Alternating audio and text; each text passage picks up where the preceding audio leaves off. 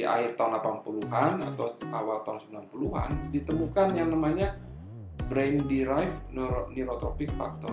Ini sesuatu hormon pertumbuhan, protein hormon pertumbuhan yang menstimulasi pertumbuhan otak. Ada penelitian yang hanya 20 menit jalan sebelum ujian ya, yang lainnya duduk saja. Ternyata yang 20 menit jalan sebelum ujian, Hmm. otaknya lebih aktif. Kita tahu di di makhluk hidup di dunia ini terbagi atas dua ya. Tumbuh-tumbuhan dan hewan.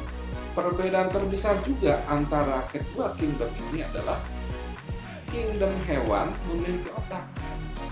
Untuk hewan diperlukan otak supaya bergerak. Dengan kata lain, kalau seseorang punya otak, itu fungsinya untuk apa? Buat bergerak gitu ya. Buat bergerak.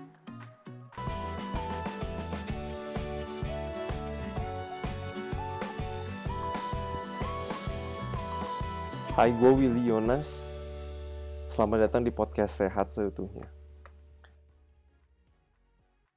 Halo semua, selamat datang lagi di podcast Sehat Seutuhnya bersama saya Willy Yonas. Hari ini kita akan belajar bersama-sama mengenai olahraga dan otak. Olahraga bukan bagus buat jantung, peredaran darah saja, tetapi ternyata juga bagus banget buat otak. Bintang tamu kita yang akan berbagi ilmu hari ini adalah seorang dokter spesialis kedokteran olahraga tamat dokter pertama dari Filipina, udah gitu ambil spesialis kedokteran olahraganya di UI, di Universitas Indonesia. Sekarang beliau adalah wakil direktur sekaligus pemilik dari Rumah Sakit Ibu dan Anak Humana Prima di Kota Bandung. Beliau seorang plant-based doctor, sudah mengadaptasi pola makan nabati selama enam tahun, dan sebenarnya sudah menjadi seorang vegetarian dari kecil. Beliau juga pernah involve melatih tenaga medis untuk Asian Games 2018. Jadi hari ini beliau akan sharing bersama-sama dengan kita dan memang ini adalah bidang beliau, passionnya juga beliau. Bintang tamu kita hari ini adalah Dr. Erik Tomarere, SPKO.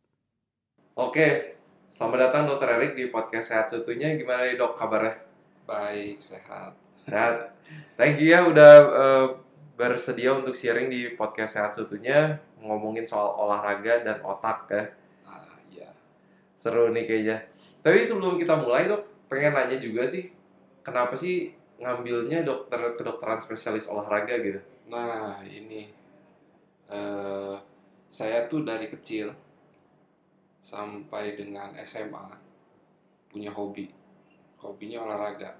Hmm. Sampai waktu di sekolah dulu, pelajaran paling favorit adalah pelajaran keluar main dan pelajaran olahraga. Karena di situ waktu keluar main ada lapang kan di sekolah, kita Hmm. bergerak bermain gitu. Hmm. dan olahraga itu paling saya senang. Nah, alasan lain juga kenapa saya ngambil olahraga, spesialis kedokteran olahraga, karena saya tuh eh, ingin menjadi dokter bukan hanya menangani pasien kalau udah sakit. Hmm.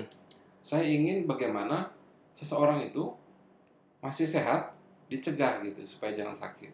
Nah, salah satunya olahraga ya. Olahraga salah satunya. Dan kalau bisa orang itu sembuh dengan terapi yang alami.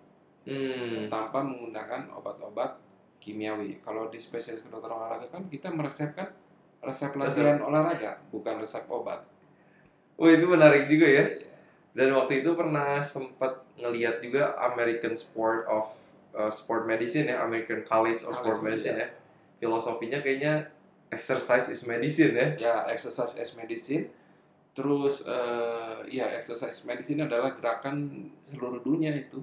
Hmm. Seharusnya setiap dokter harus menganjurkan pasiennya untuk berolahraga. Nah benar-benar. Mungkin kita jarang mikir kali ya kayak olahraga tuh sebenarnya bisa jadi obat sebenarnya gitu ya. Betul sekali. Mungkin kita jarang mikir kayak gitu deh. Dan kalau mau tanya lebih lanjut, apa sih bedanya kedokteran spesialis olahraga misalnya sama kayak fisioterapis misalnya? Hmm. Fisioterapis atau pelatih fitness gitu ya. Iya benar. personal trainer Hmm. ya kan itu sangat beda kalau kami kedokteran olahraga itu melihat olahraga dari sisi medis Hmm. Ya. jadi keuntungan medis apa yang kita dapat dari olahraga nah Ah. gitu ya terus eh, bagaimana cara kita berolahraga, apakah itu atlet atau orang awam, olahraga dengan baik dan benar sesuai eh, resep latihan, Hmm. ses- sesuai dengan proporsinya, supaya seseorang itu mendapatkan keuntungan dari olahraga dan bebas dari cedera. Ah, itu kayaknya penting juga tuh kayaknya. Nah, itu tujuan kita. Gitu. Hmm. Kalau dari personal trainer atau fisioterapis, fisioterapis itu merehabilitasi orang-orang ya, bisa orang-orang yang cedera olahraga begitu. Kalau personal trainer itu melatih orang untuk melakukan gerakan-gerakan olahraga, untuk melatih otot-otot tertentu. gitu. Hmm. Tapi yang kasih resep latihan ke personal trainer adalah dokter olahraga. Hmm. Gitu. Menarik, menarik. Soalnya cukup jarang juga ya denger orang kayak, ah saya pengen ke dokter spesialis olahraga gitu kan. Iya jarang. Seringnya langsung ke personal trainer. Betul. Jadi tidak tahu kondisi apa yang dia miliki, kebutuhannya apa, target latihannya apa, langsung ke personal trainer yang langsung ke aplikasi. Kan dia nggak punya resep, Hmm. jadi bisa salah kasih latihan gitu. Iya, Target iya, yang diinginkan bisa aja tidak tercapai. Hmm. Tapi kalau misalnya kayak tim-tim yang kayak sepak bola, basket, atau tim olahraga lah ya, biasanya mah ada dokter spesialis olahraga kali ya? Nah itu ada dokter tim namanya. Dokter tim itu tugasnya adalah bagaimana supaya atlet-atlet itu eh, safe gitu, secara Hmm. safe, secara kesehatan pribadinya. Oh, iya. tidak mengincar eh, prestasi umpamanya dokter tim itu harus tahu si A ini kondisinya lagi bagaimana lagi fit atau tidak nanti Hmm. dia kasih anjuran ke pelatih coach mohon yang si A ini jangan diturunkan dulu karena dia kurang fit Oh iya Karena- juga ya. risiko untuk mendapatkan cedera atau penyakit Hmm. yang nantinya recovery-nya akan lebih lama dan lebih mahal Oh iya iya bener juga ya. Wah keren keren keren. Nah tapi hari ini kita bakal ngomongin juga uh, topik uh, hubungan antara olahraga dan otak. Hmm. Nah itu kan kadang kok orang dengernya sering dengernya kayak olahraga bagus buat jantung, Hmm. olahraga bagus buat paru-paru gitu kan. Tapi kayaknya jarang juga nih yang ngomongin olahraga tuh bagus buat otak. Ya jarang, jarang sekali. Ya kenapa? Sekarang kita mau lihat dulu asal usul kata atau terminologi olahraga. Hmm. Ya, saya yakin du- zaman dulu pada waktu manusia ini masih secara general profesinya adalah sebagai petani, Hmm. tidak ada terminologi olahraga. Iya iya iya. Ya kan? Kapan terminologi olahraga itu ada? Semenjak manusia itu menjadi lebih eh, inaktif Hmm. lebih pasif gitu ya.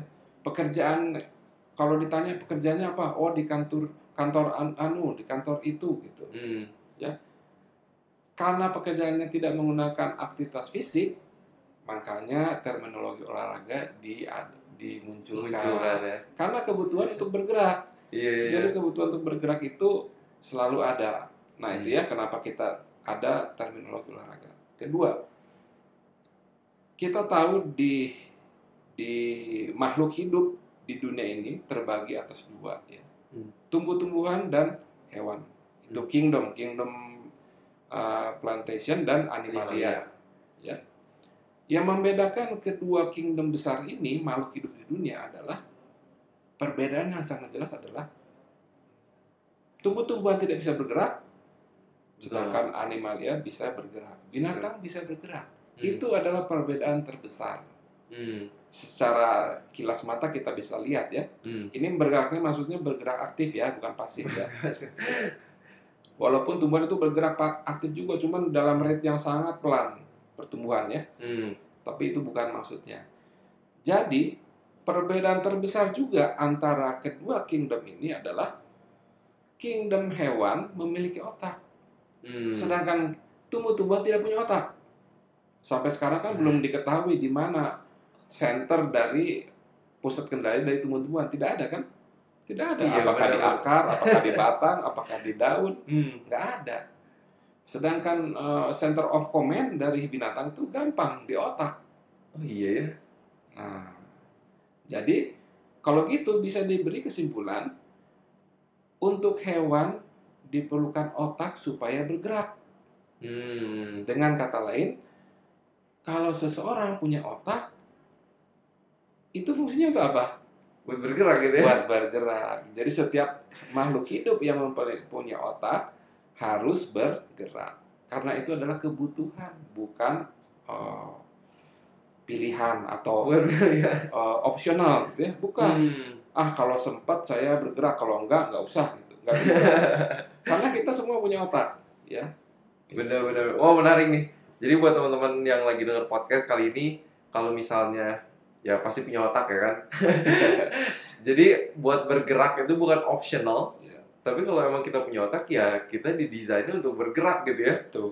Bergerak. Nah itu kalau misalnya kita yang punya otak apa ya bukan optional tapi emang perlu bergerak gitu ya. Hmm, hmm.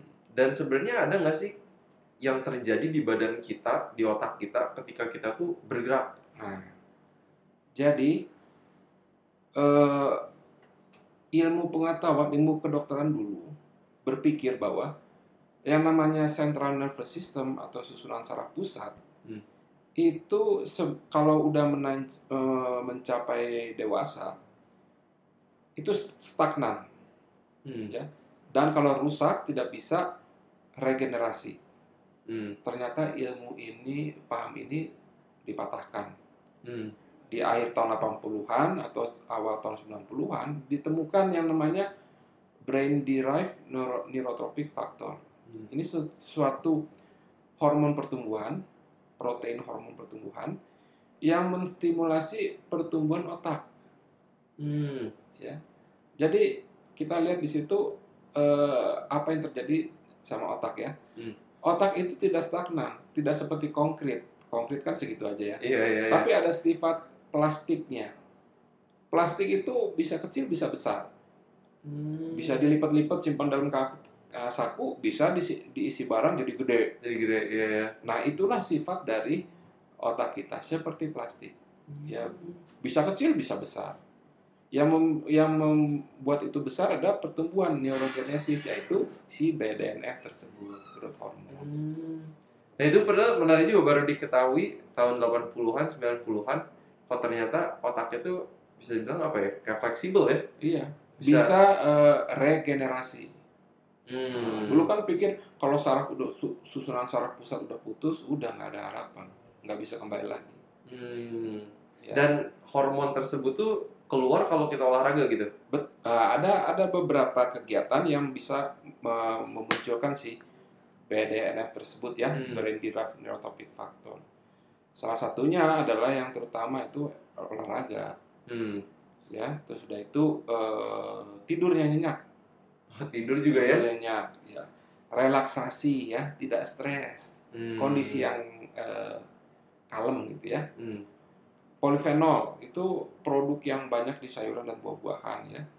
Keadaan hipoksia yang sebentar ya. Hmm. Kalau kita olahraga, nafas kita gimana kalau olahraga yang berat? Ngos-ngosan ya. Itu tanda-tanda apa? Hipoksia ya. Hipoksia. Ya, Hmm. jadi ada juga di situ ya. Terus sal- yang lain juga adalah sinar matahari. Wow, menarik. Sinar matahari ya. Tapi yang yang banyak menstimulasi eh, tumbuhnya BDNF ini adalah olahraga. Hmm. Wah, kayaknya kalau lihat dari list tadi jadinya kalau kayak olahraga sambil kena matahari, Ah, udah gitu malamnya tidurnya enak. Iya. Kayaknya perfect banget perfect sekali dan tidak stres. Dan tidak stres, bener-bener. Iya. Sedangkan yang menurunkan BDNF itu itu kondisi stres. Itu faktor Hmm. paling utama yang bisa menurunkan BDNF. Stres. Wow. Kedua adalah gula. Kalau kita makan banyak gula. Terutama gula Menarik. olahan ya. Menarik, menarik. Ah, gula gula pasir ya. Hmm. Yang ketiga adalah eh, isolasi sosial. Jadi apa ya? Cooper kali ya, kurang pergaulan gitu. Ya, jadi hidup menyendiri, tidak punya teman, tidak ada eh, kesepian lah orang yang Hmm. kesepian itu akan menurunkan BDNF. Wow. Social distancing boleh, tapi jangan social isolation. Bener-bener. Beda ya.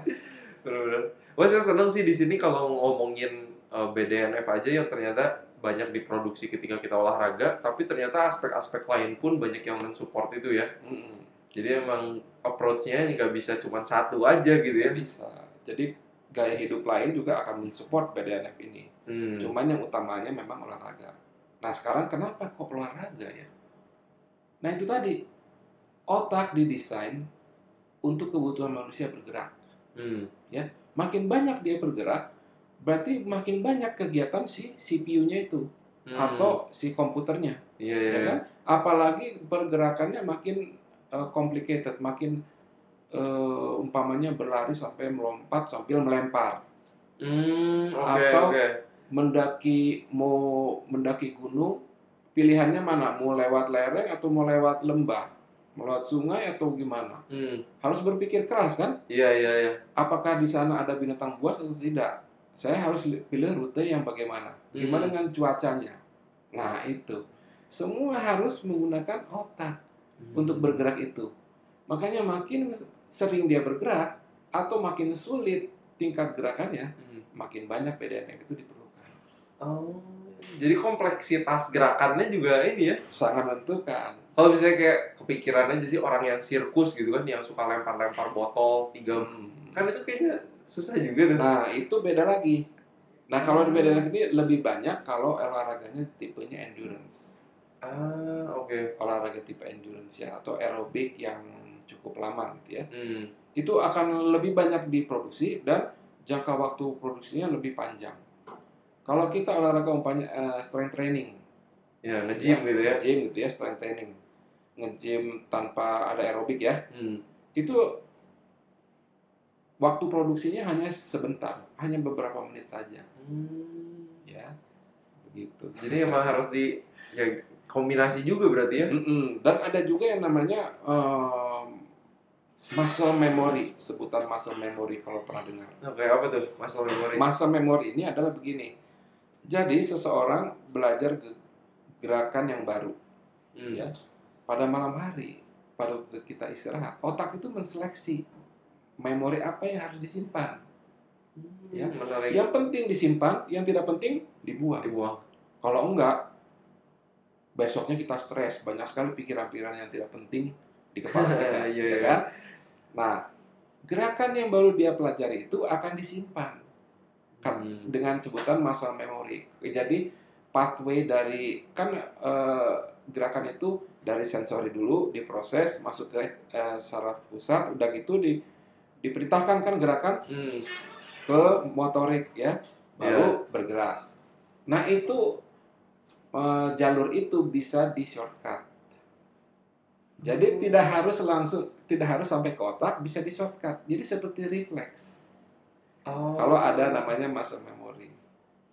Oke. Nah makanya makanya atlet-atlet yang punya skill bagus Hmm. dia itu nggak nggak usah mikir lagi seperti insting. Dia punya muscle memory untuk bergerak.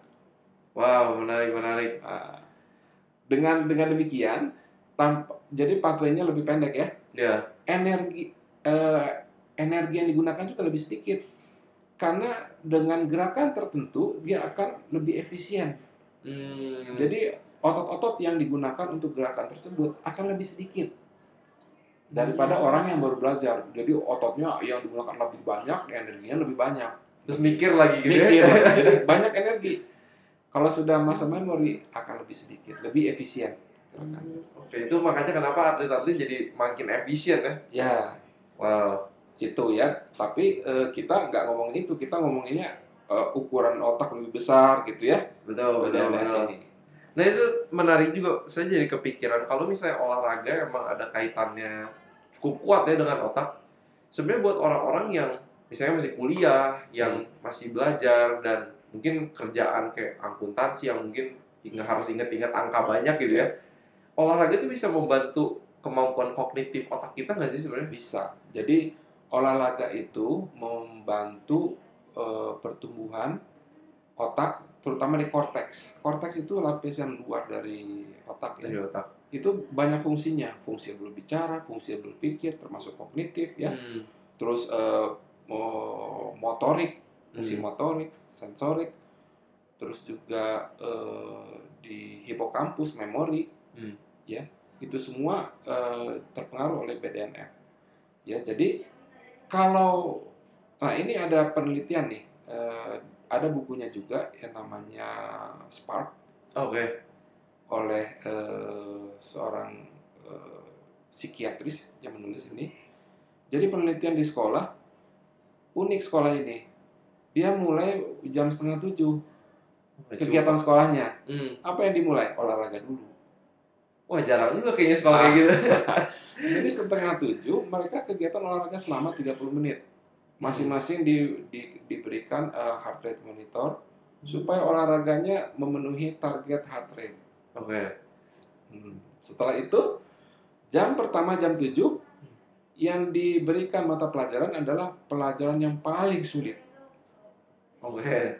Nah, dan ternyata kalau di functional CT scan, orang-orang yang bergerak sebelum dia belajar, otaknya itu lebih aktif. Wah menarik juga. Ah, ya, ada penelitian yang hanya 20 menit jalan sebelum ujian ya, yang lainnya duduk saja. Ternyata yang 20 menit jalan sebelum ujian, Hmm. otaknya lebih aktif. Hmm. Dan kemungkinan dia bisa menjawab atau menyelesaikan ujiannya de- dengan lebih baik. Wah justru kayaknya kalau tadi yang dibagiin kayaknya justru kebalikan mayoritas yang dilakukan yang yang dilakukan mayoritas orang gitu. Hmm. Justru kalau misalnya mau ujian kita udah deket-deket makin mepet justru malah belajar makin keras. Betul. Justru olahraga dilupain gitu. dilupakan, tidak olahraga. Nah, nah, ini orang tua juga kadang-kadang agak keliru ya. Hmm. Oh, kalau lihat anak-anaknya main dimarahin. Bener-bener Kapan pinternya, kapan belajarnya kalau main melulu. Ya kan? betul betul Padahal betul. itu kebutuhannya. Dia bermain dulu baru belajar. Atau enggak begini, Hmm. kalau buat PR, suntuk gitu, nggak bisa menyelesaikan PR. Suruh bergerak dulu. Baru dia kembali bisa mengerjakan soalnya. Wah ini menarik banget. Soalnya saya ingat juga pas dulu SD, justru waktu pekan ujian kita tuh nggak boleh main sepak bola justru. Mm-mm. Dan kita selalu pasti nyumput-nyumput gitu kan main sepak bola. Nah, itu itu anggapan yang salah. Dan Hmm. itu terjadi juga di dunia pendidikan di Amerika. Mereka agak terkebelakang di dunia sains. Hmm. Jadi mereka pikir pikir bagaimana sup- supaya meningkatkan nilai-nilai dari sains ini. Orang Asia hebat-hebat sainsnya. Hmm. Jadi apa yang mereka buat? Ditambah mata jam pelajaran sainsnya. Hmm. Dikasih bimbingan eh, setelah jam sekolah. Hmm. Apakah meningkat? Enggak juga. Tapi ternyata di high school ini, ya, waktu mereka ikut Olimpiade Science, mereka bisa bersaing dengan rekan-rekan mereka di Asia. Hmm. Karena mereka tuh menginclude olahraga gitu. Olahraga. Wah ini menarik. Jadi buat para pendengar podcast kalian kalau yang masih ya otak udah mumet gitu kan, Iya, pengen belajar pelajaran yang lebih susah, justru harus olahraga ya. iya, jangan dipaksa terus, ya.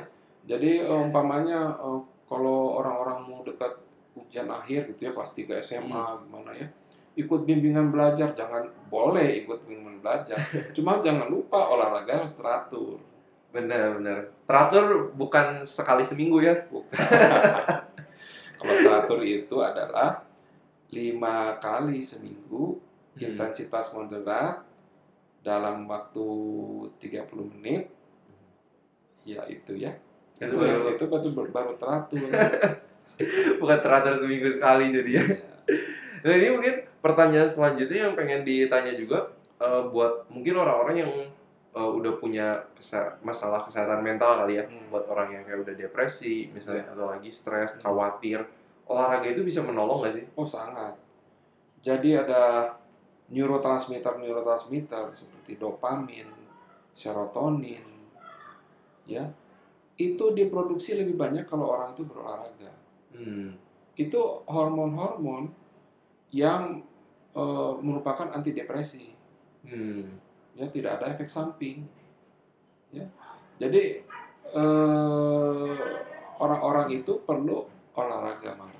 Jadi exercise is medicine untuk orang-orang yang sakit mental juga Hmm. atau orang-orang yang stres dan depresi. Hmm. Apalagi sekalian kalau kenanya di bawah sinar matahari gitu Betul kayaknya sekali. di alam lagi ya. Iya, tambahan lagi adalah ini orang yang mengalami kesulitan tidur Hmm. itu bisa dengan olahraga. Benar, benar, benar, benar. Apalagi kena sinar matahari, maka si siapanya tuh si ada hormon yang untuk bikin tidur, Melatonin. melatoninnya akan meningkat. Hmm, ya ya ya. Nah, melatonin itu pada siang hari dia bentuknya serotonin. Hmm. Nah, pada malam hari dia berubah menjadi melatonin. Ya, dengan syarat tidurnya lampunya jangan ada lampu gitu. Ya, gelap ya. Mungkin ya, supaya melatoninnya produksinya maksimal. Iya iya iya menarik menarik. Nah kalau misalnya kalau dari dokter Erik sendiri ada nggak sih pengalaman yang ngel- ngelihat orang yang kayak kesehatan otaknya atau mentalnya tuh improve banget setelah disuruh olahraga? Secara pribadi, oh ini bukan pengalaman saya ya. Oke. Ini pengalaman dari ayah saya, Dr. Simon. Hmm. Dia punya pasien di rumah sakit Advent. Datang berobat sama dia, memang gantung gangguan mental, Hmm. semacam skizofreni. Oke. Ya. Lalu Dr. Simon menganjurkan harus rajin olahraga. Hmm. Pada waktu itu dia tidak tahu ada ada BDNF ini. Teori Hmm. ini belum ada. Oh iya iya. Sudah itu beberapa tahun kemudian ketemu lagi dengan pasien ini. Hmm. Beliau kaget. Orang ini sudah sembuh. Lalu Wow. ditanya bagaimana bisa sembuh? Ya saya ikut anjuran kata orang tuanya ya. Saya ikut anjuran dokter disuruh olahraga. Wow. Wow. Wow. Nah, itu buktinya ya. Impactnya tuh bisa profound juga gitu ya. Ya, Benar-benar benar nih jangan jangan main-main juga nih sama olahraga nih powerful juga. yang nih. jelas dia, dia bas- bisa membantu depresi ya, major depression atau depresi itu, Hmm. stres ya, itu sangat membantu. sangat ya sangat membantu ya nah kalau mungkin sebelum kita tanya-tanya ke yang praktikal nih terakhir sebenarnya kalau kayak olahraga gitu bisa nggak sih mencegah penyakit yang kayak demensia Alzheimer gitu ya kayaknya sekarang makin ramai juga kayaknya penyakit ini Iya, itu adalah penyakit degeneratif dari otak ya. Jadi Hmm. fungsi otak itu menurun. hmm. Sedangkan BDNF justru kebalikannya. BDNF itu supaya si otaknya fungsinya tidak menurun. Fungsi Hmm. kognitif, fungsi memori, dan fungsi mood. Seperti orang Alzheimer kan. Orang Alzheimer itu yang di attack duluan, yang diserang duluan adalah memorinya. Hmm. Baru kemudian kognitif dan moodnya diserang. Hmm. Makanya orang Alzheimer atau orang pikun itu kan lupa, pikun itu lupa. iya iya benar-benar Sedangkan olahraga atau BDNF itu meningkatkan fungsi memori, hmm. kognitif dan mood. Oh, saya lupa tambahkan. Murid-murid itu yang olahraga rutin setiap hari, Hmm. selain nilai raportnya tinggi, dia punya self confidence juga naik. naik juga Self esteemnya lebih baik, hmm. tidak minderan lagi, lebih pede. Hmm. Orang tuanya komentar demikian. Ya, gitu. wah makanya ini efek olahraga ini luar biasa banget sebenarnya Iya. Jadi, wow keren keren. Nah, pertanyaan mungkin yang lebih praktikal ya dan mungkin teman-teman semua sekarang udah mulai tahu nih olahraga itu bagus banget, ada BDNF, ada hormon serotonin, dopamin. Tapi olahraga kayak apa sih yang kita perlu lakukan untuk achieve atau untuk dapat benefit seperti itu? Oke, untuk mendapatkan benefit dari BDNF ya, Ya. tadi saya sudah singgung, itu harus olahraga yang sifatnya endurance. Hmm. Ya, endurance berapa lama? Ya, 30 menit sehari, sesuai anjuran dari American College of Sport Medicine ya. Hmm. 30 menit setiap hari untuk lima hari sampai dengan tujuh hari Hmm. dengan intensitas moderat. Hmm. Nah, itu itu minimal loh 30 menit ya. Hmm. Jadi apakah bisa dipotong-potong? Ya, bolehlah. Bisa 10-10 menit tiga kali sehari ya. Jadi Hmm. total 30 menit. Cuman kalau kita ingin mendapatkan hasil yang maksimal, jangan dipotong lah. Jadi, wah. Yang bagusnya 30 menit ya. Hmm. At least itu ya, paling tidak 30 menit. Ya. Jadi continue-nya itu ya yang Kontennya itu yang jarak eh, panjang ya. hmm. Bagaimana dengan olahraga ini eh, apa namanya? Strength training. Hmm. Ya boleh juga itu mem- bisa juga manfaatnya memproduksi BDNF ya. Hmm. Selain juga untuk muskuloskeletal supaya tidak atrofi atau tidak mengecil dia Iya. punya eh, Otot, otot-otot dan ya. tulang. Hmm. Ya. Benar benar benar. Mungkin pengen pengen tahu juga kalau dokter sendiri olahraga apa sih yang dokter lakuin? Nah saya tuh olahraganya yang paling saya gemari emang bulu tangkis ya. Hmm. Selain itu saya juga suka jogging dan eh, strength training ya bolehlah sekali dua kali seminggu Hmm. gitu. Oke oke. Jadi sebenarnya kita juga bisa pilih macam olahraga yang emang kita suka juga ya. Oh itu syarat paling penting sebetulnya. Jadi kita harus pilih jenis olahraga yang paling kita sukai. Hmm. Ya umpamanya begini, saya umpamanya ada seseorang bilang, saya senang sekali bulu tangkis, tapi dia obes, Hmm. gemuk ya, terlalu gemuk. Apakah saya bilang, oh bapak nggak boleh buat bulu tangkis, bapak harus ini, enggak. Saya bilang, Hmm. boleh pak bulu tangkis, cuman bulu tangkis itu kebutuhannya adalah ini, ini, ini, jadi tidak boleh terlalu berat karena Hmm. dia eh, harus lincah ya. Jadi bapak untuk menuju situ olahraganya yang lain dulu. Hmm. Tapi tetap nantinya kalau udah berat badannya kurang ya sudah berat badan ideal baru dia boleh bulu tangkis. Hmm, betul betul betul. Ya. Benar-benar. Dan oh ya tadi dokter juga mention eh, soal intensitas yang moderat ya. Ya, Itu gimana sih supaya kita tahu kayak intensitas moderat itu segimana gitu? ya jadi ada ukurannya tuh ya eh, dari apa namanya eh, maksimal heart rate ya Hmm. berapa persen dari maksimal heart rate. Cuman yang paling gampang, yang paling mudah dilakukan Hmm. adalah talk test. Gimana Talk dokter? test itu adalah begini, kalau kita bergerak sudah sedikit ngos-ngosan, tapi masih bisa bicara satu kalimat, eh, tapi di, kalau disuruh nyanyi nggak bisa. Hmm. Nah itu intensitas sedang. Intensitas sedang ya. Nah, jadi itu paling tidak kita harus olahraga dengan intensitas sedang. Hmm. ya untuk mendapatkan manfaat kesehatan untuk tubuh kita. Hmm. Kalau intensitas intensitas tinggi itu kalau kita diajak ngobrol pun nggak bisa, nggak bisa ngomong, udah Hmm. terlalu Ngos-ngosan, ya? nggak bisa ngomong gitu. Hmm. Nah itu itu intensitas tinggi. Jadi Oke. gampang, nggak usah ngukur-ngukur nadi ya olahraga olahraga lihat nadi hitung-hitung eh, maksimal heart rate nggak usah. Jadi kalau buat buat teman-teman yang kayaknya suka jalan pagi misalnya atau gimana, tapi misalnya masih bisa ngobrol, masih nyanyi lagi ya, Wah itu kurang, terlalu pelan ya. terlalu pelan ya. Ya ada yang bilang begini, oh dok saya sering jalan-jalan di mall. Oh jalan-jalan di mall mah banyak berhentinya window shopping ya, bisa nyanyi, bisa ketawa-ketawa, itu nggak masuk latihan olahraga. Itu gak masuk latihan olahraga ya. Jadi kalau kalau masih kebiasaan kayak gitu, intensitasnya harus ditinggi, naikin dikit ya. Ditingkatkan. Ditingkatkan. Cuman begini, untuk meningkatkan intensitas jangan terlalu buru-buru. Hmm. Ya sebaiknya kita meningkatkan ini dulu volume dulu, Hmm. frekuensi ya, durasi dan frekuensinya. Hmm. Itu yang ditingkatkan dulu, baru terakhir intensitas. Baru intensitas ya. umpamanya kita targetnya mau lari eh, 10 kilo atau 21 kilo gitu ya. Hmm. Untuk latihannya jangan dulu keburu dicepetin larinya. Hmm. Nah, itu belakangan yang ditingkatkan adalah frekuensi dan durasinya dulu. Hmm, Oke oke oke. Itu tips-tips yang bagus juga tuh.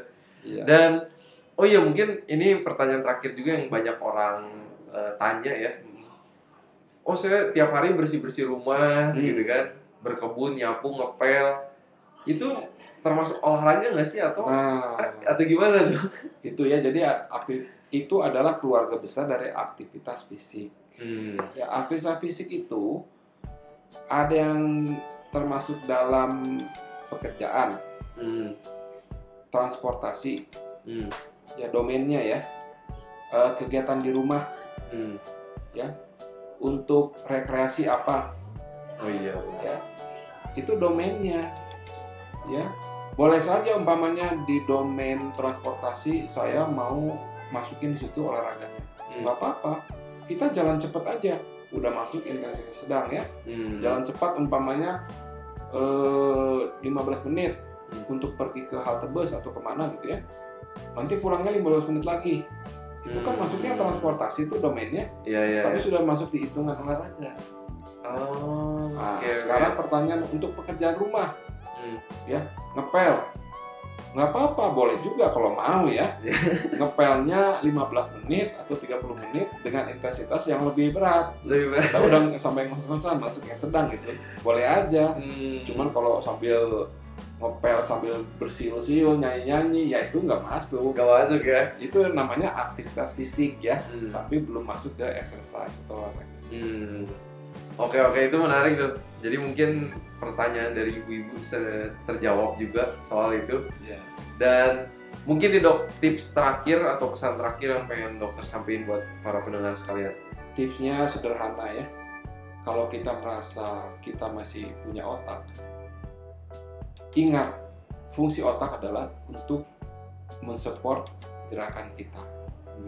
Ya, jadi itu bukan suatu pilihan, itu harus menjadi kebutuhan kita.